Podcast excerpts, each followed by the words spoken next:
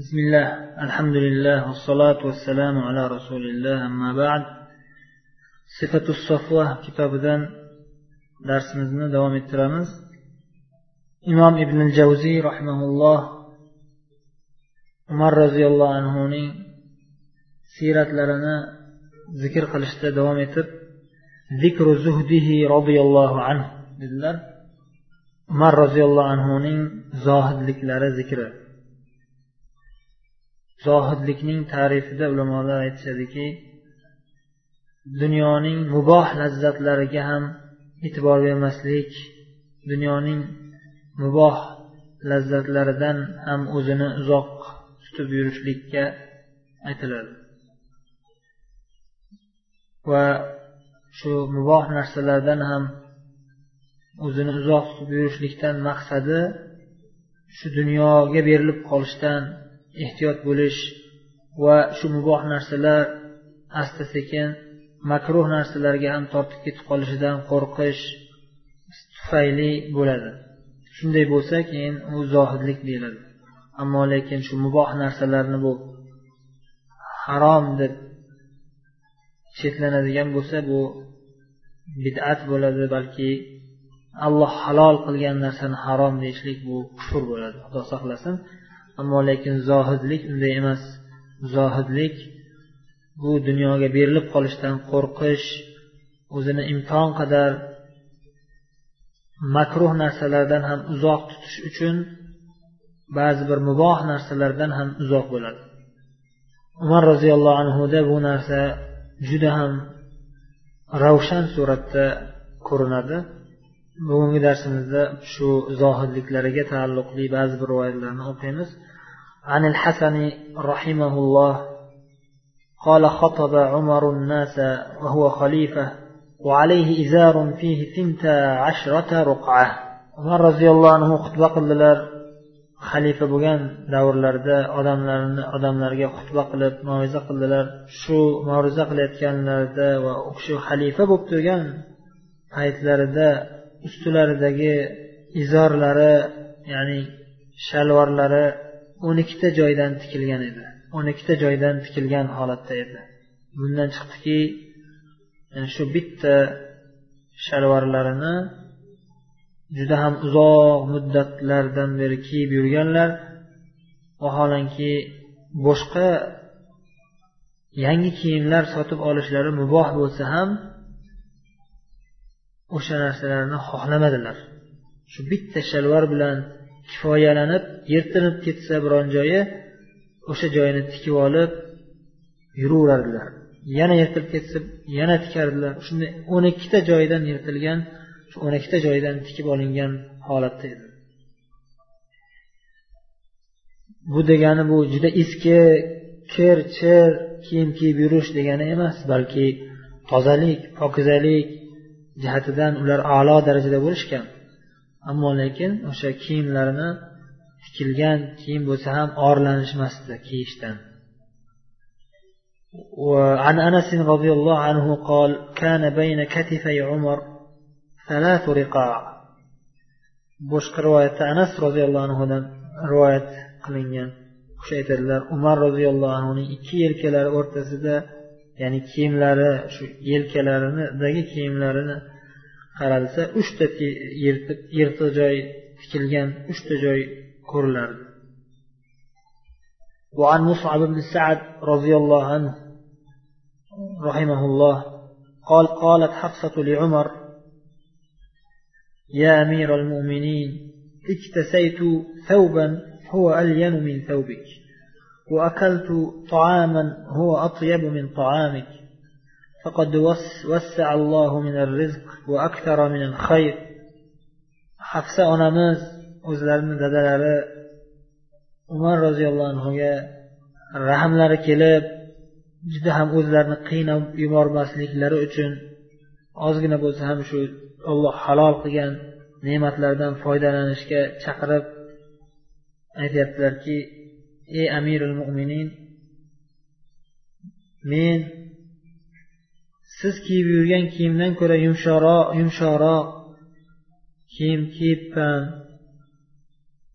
Siz yeyotgan taomdan ko'ra yaxshiroq taom yedim. Alloh taolo rizqu nasibamizni keng qildi yaxshiliklarni ko'p qildi. Dedilar. Ya'ni siz ham maqsadlar ya'ni siz ham shu olloh bergan rizqu nasibadan ya'ni kengroq foydalaning degan ma'noda. Shunda umar roziyallohu anhu qizlari va ummul mo'minin hafsa onamizga aytdilarki men sizni shu aytgan so'zlaringizni o'zingizga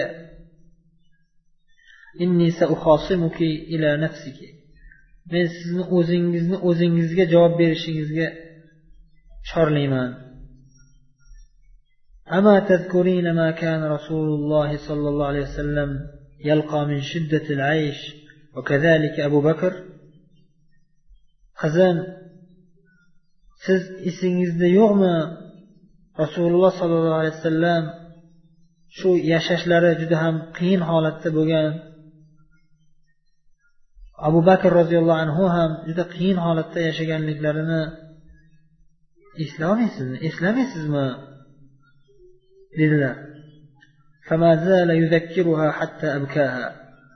Qayta qayta shu payg'ambarimiz davrlaridagi holatlarini eslatib rasululloh sollallohu alayhi vasallam va abu bakr roziyallohu anhu bu dunyoni lazzatlariga umuman e'tibor bermasliklarligini eslatib yig'latib yubordilar hafsa onamiz ta'sirlanib yig'lab yig'lab yubordilar فقال لها أما والله لأشاركنهما في مثل عيشهما الشديد لعلي أدرك عيشهما عيشهما الرخي oxirida aytdilarki umar roziyallohu anhu qasam allohgaki men ana shu zotlarni rasululloh sollallohu alayhi vasallam va abu bakrning qanday qiyin holatda yashashgan bo'lsa ana shunday yashashlik bilan men ularga sherik bo'laman. Shoyat men ular yaxshi juda ham buyuk lazzatli keng osoyishtalik hayotga ketishgan joyga men ham orqalaridan yetib borsam dedilar. Kamtarliklarining zikri. عن عبد الله بن عباس رضي الله عنهما قال كان للعباس ميزاب على طريق عمر فلبس عمر ثيابه يوم الجمعه وقد كان ذبح للعباس فرخان فلما وافى الميزاب صب ماء بدم الفرخين فأصاب عمر فأمر عمر بقلعه ثم رجع عمر فطرح ثيابه ولبس ثيابا غير ثيابه.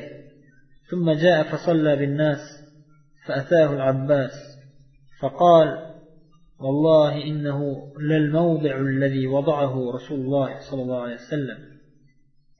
فقال عمر للعباس وأنا أعزم عليك لما صعدت على ظهري حتى تضعه في الموضع الذي وضعه رسول الله صلى الله عليه وسلم ففعل ذلك العباس عبد الله بن عباس رضي الله عنه رواية قال umar roziyallohu anhuning masjidga boradigan yo'llarida abbos roziyallohu anhuning tannoblari bor edi yo'l ustiga qo'yilgan tannoblari bor edi umar roziyallohu anhu juma kuni bo'lganda kiyimlarini kiyib jumaga yo'l oldilar.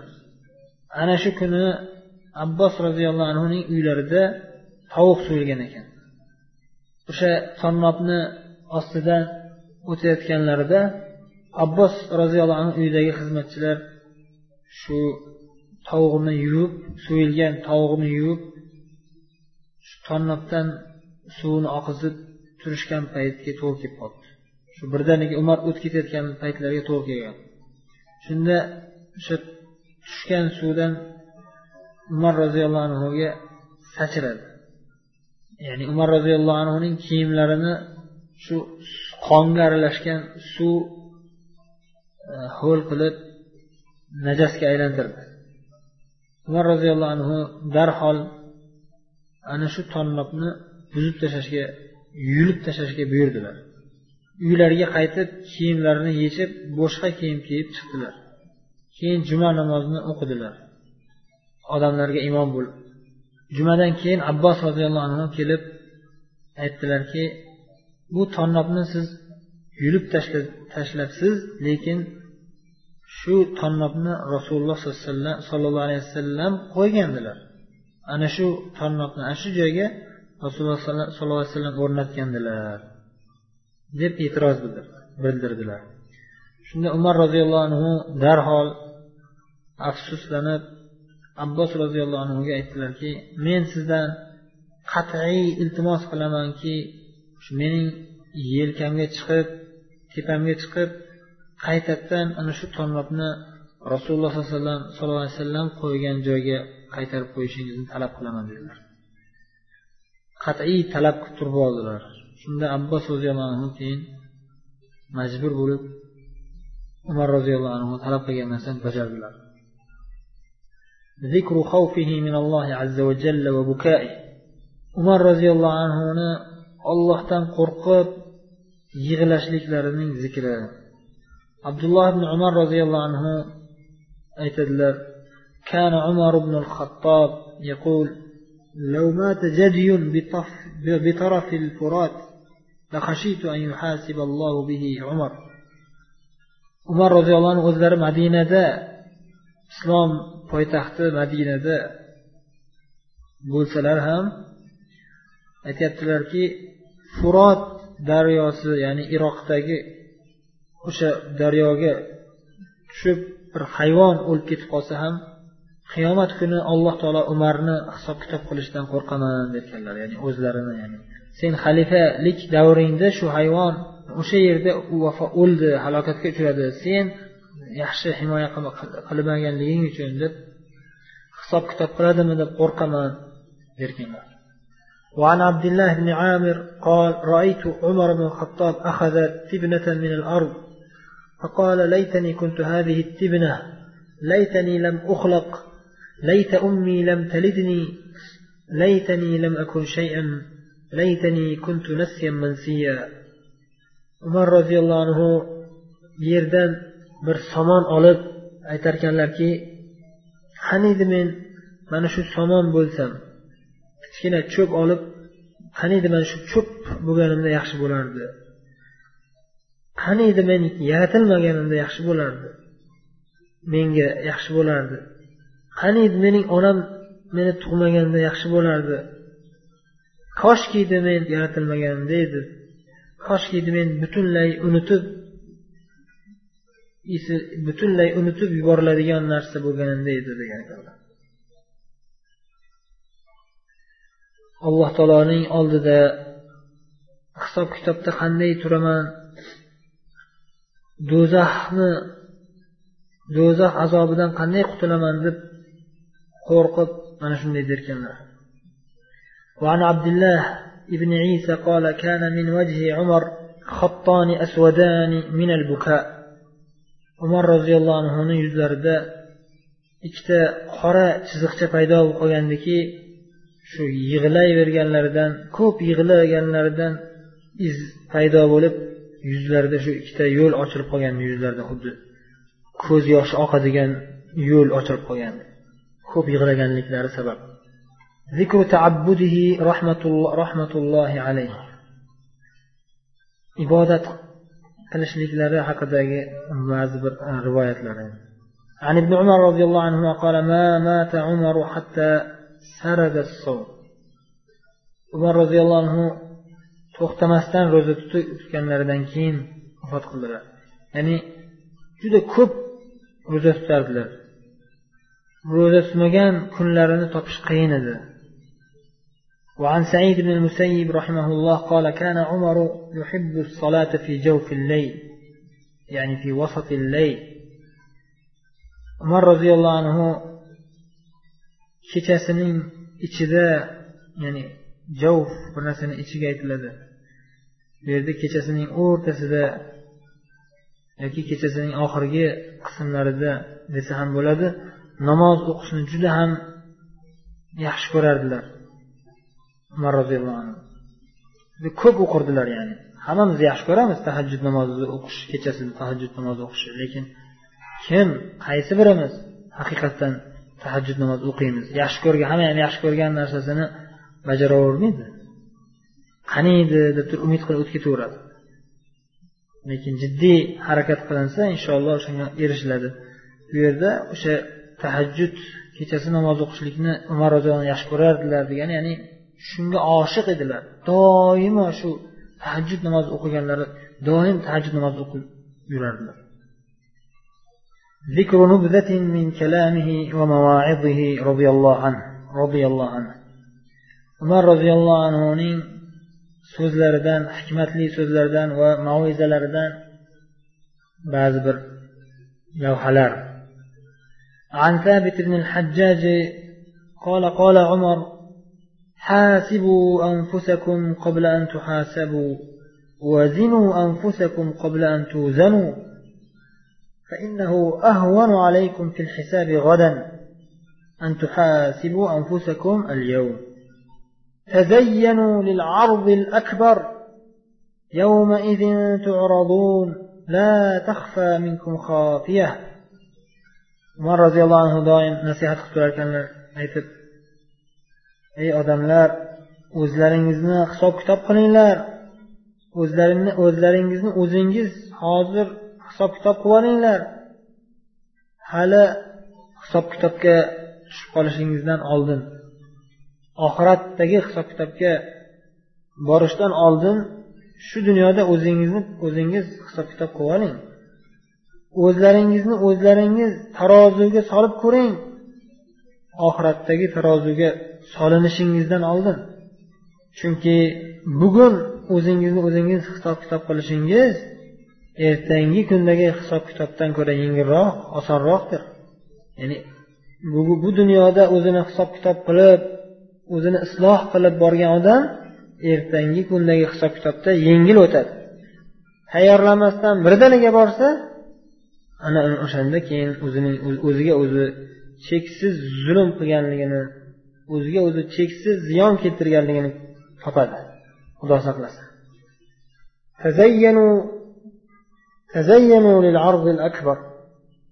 Eng katta ko'rsatuvga ziynatlanib boring oldin hozirdan ziynat ziynatlanib olinglar eng katta ko'rsatuvga chiqarilishingizdan oldin.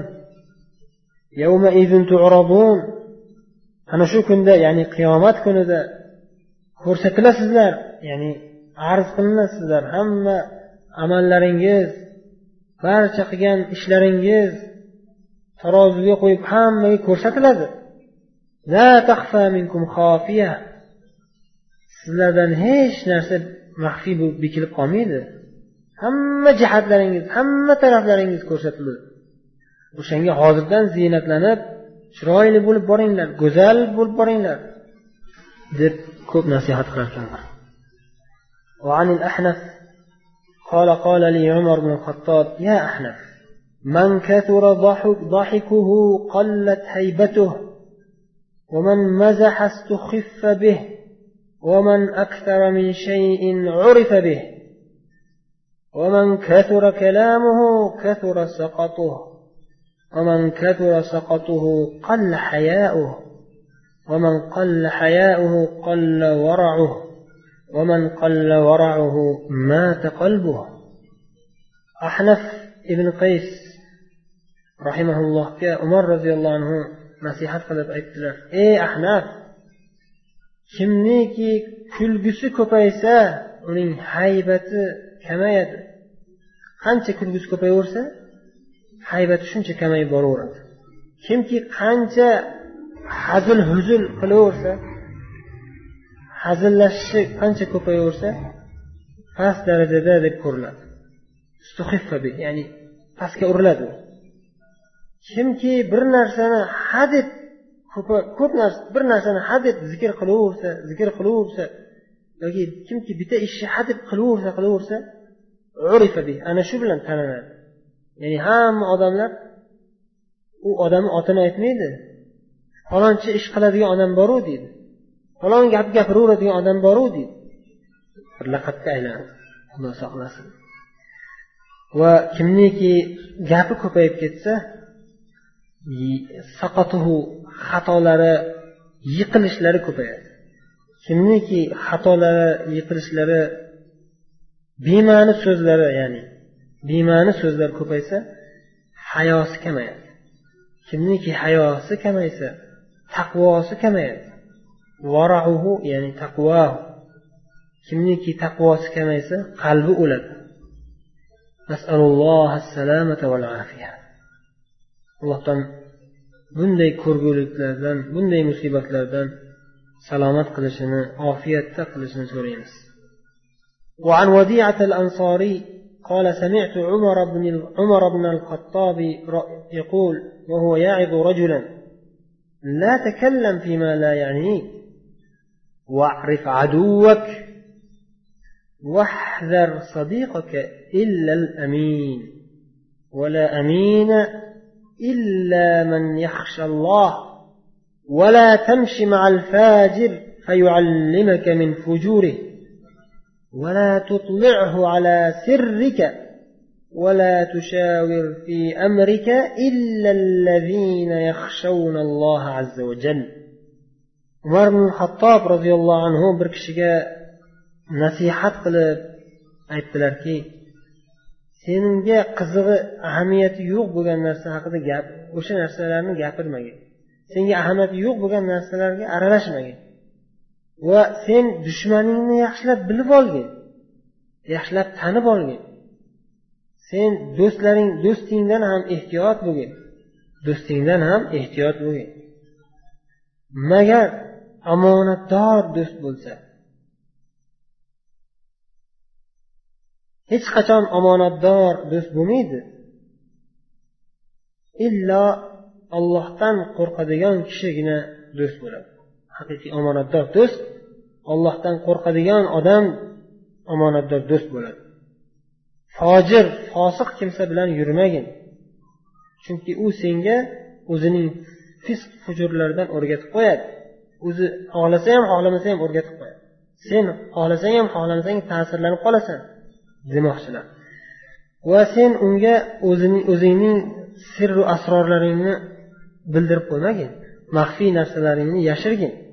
Va senga taalluqli bo'lgan ishlarda faqatgina faqatgina olloh azza va jalladan qo'rqadigan kishilardan maslahat so'ragin.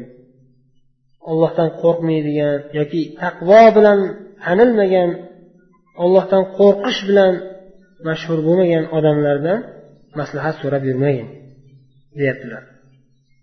Bu nasihatlar oltin suv bilan yozib bitib ko'z oldimizga doim ko'rinib turadigan joyga osib ilib doim takror takror eslab yurishimizga arziydi xususan la takallam fima la yanik va'rif aduvak degan gaplari juda ham zarur bizlarga bema'ni narsalarni gapirmagin senga ahamiyati yo'q bo'lgandan keyin gapirmagin nima qilasan ortiqcha tilingni musibatini ko'paytirib degan ma'noda. Ko'pchilik birodarlarimiz o'zlari bilib bilmasdan shu nafslariga yoqqani uchun ikkovlari o'tir ikkita birodar bir biri bilan o'tiradimi ikkita uchta bo'lib yig'ilishib o'tirishadimi bo'lar bo'lmas gaplarni gaplashib o'tirilaveradi. Hangoma qilib shunday qilib umr o'tib ketadi. Xususan dasturxon ustida ko'proq birodarlar dasturxon ustiga o'tirib qolishsa yoki bir joyda yig'ilishib qolishsa hikoyalar ko'payib ketadi. Bunaqa ekan bunaqa ekan unaqa bo'libdi bunaqa bo'libdi deb turib qanday qilib uch to'rt soat vaqt ketib qolganini bilmay qolishadi. Alloh o'zi hammamizga insof bersin. Kamchilik gunohlarimizni alloh o'zi kechirsin. Dushmaningni yaxshilab tanib olgin deyaptilar bu juda katta nasihat juda buyuk nasihat. Dushmanlar umumiy suratda ikki qism ichki dushman tashqi dushman. Ichki dushmanimizni birinchi o'rinda yaxshilab tanib bilish bilib olishimiz kerak. Makru hiylalarini yaxshilab bilib olishimiz kerak. Ichimizdan tomir qon tomirlarimizda yuradigan shaytonlarning vasvasalarini va o'zimizning havoi nafsimizni xatarlarini bilib olishimiz kerak. Tashqi dushmanlar ham insonlardan bo'lgan shaytonlar ham juda katta xatar. Julasa suv yomon suhbatdoshlar islom dushmanlari mana shularni hammasini biz yaxshilab tanib bilib ehtiyot bo'lishimiz kerak. Xuddi huzayfa roziyallohu anhu payg'ambarimizdan yomonliklarni so'rab so'rab bilib olganlaridek nimaga yomonlikni so'rab bilib oldilar? Shu yomonlikka tushib qolishdan qo'rqqanlaridan shu yomonliklarni bilib oldilar. Biz ham dushmanlarni islom dushmanlarini payg'ambar sallallohu alayhi vasallam o'sha hadisda hudayfa roziyallohu anhuni o'sha islom niqobini kiyib olgan islom dushmanlaridan qattiq ogohlantirdilar.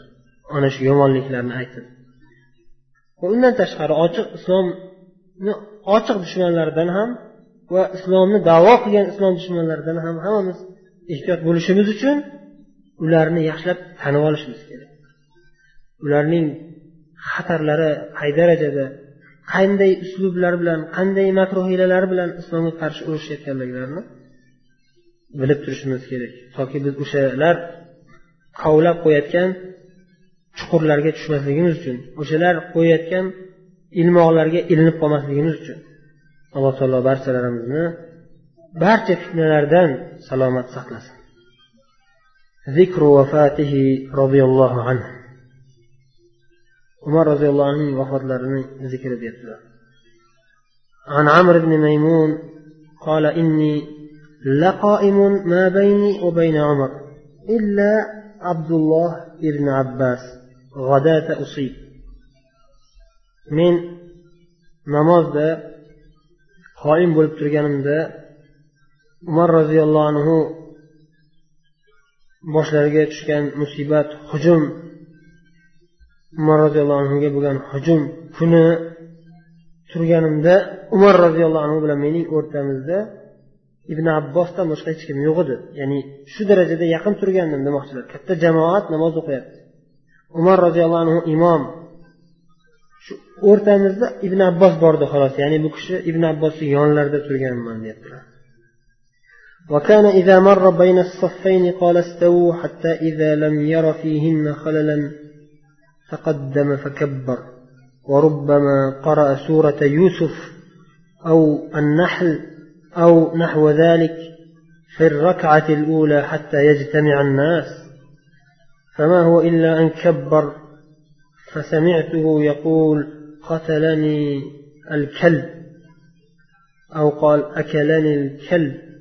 حين طعنه وطار العلج بسكين ذات طرفين لا يمر على أحد يمينا ولا شمالا إلا طعنه حتى طعن ثلاثة عشر رجلا مات منهم سبعة. فلما رأى ذلك رجل من المسلمين طرح عليه برنسا فلما ظن العلج أنه مأخوذ نحر نفسه.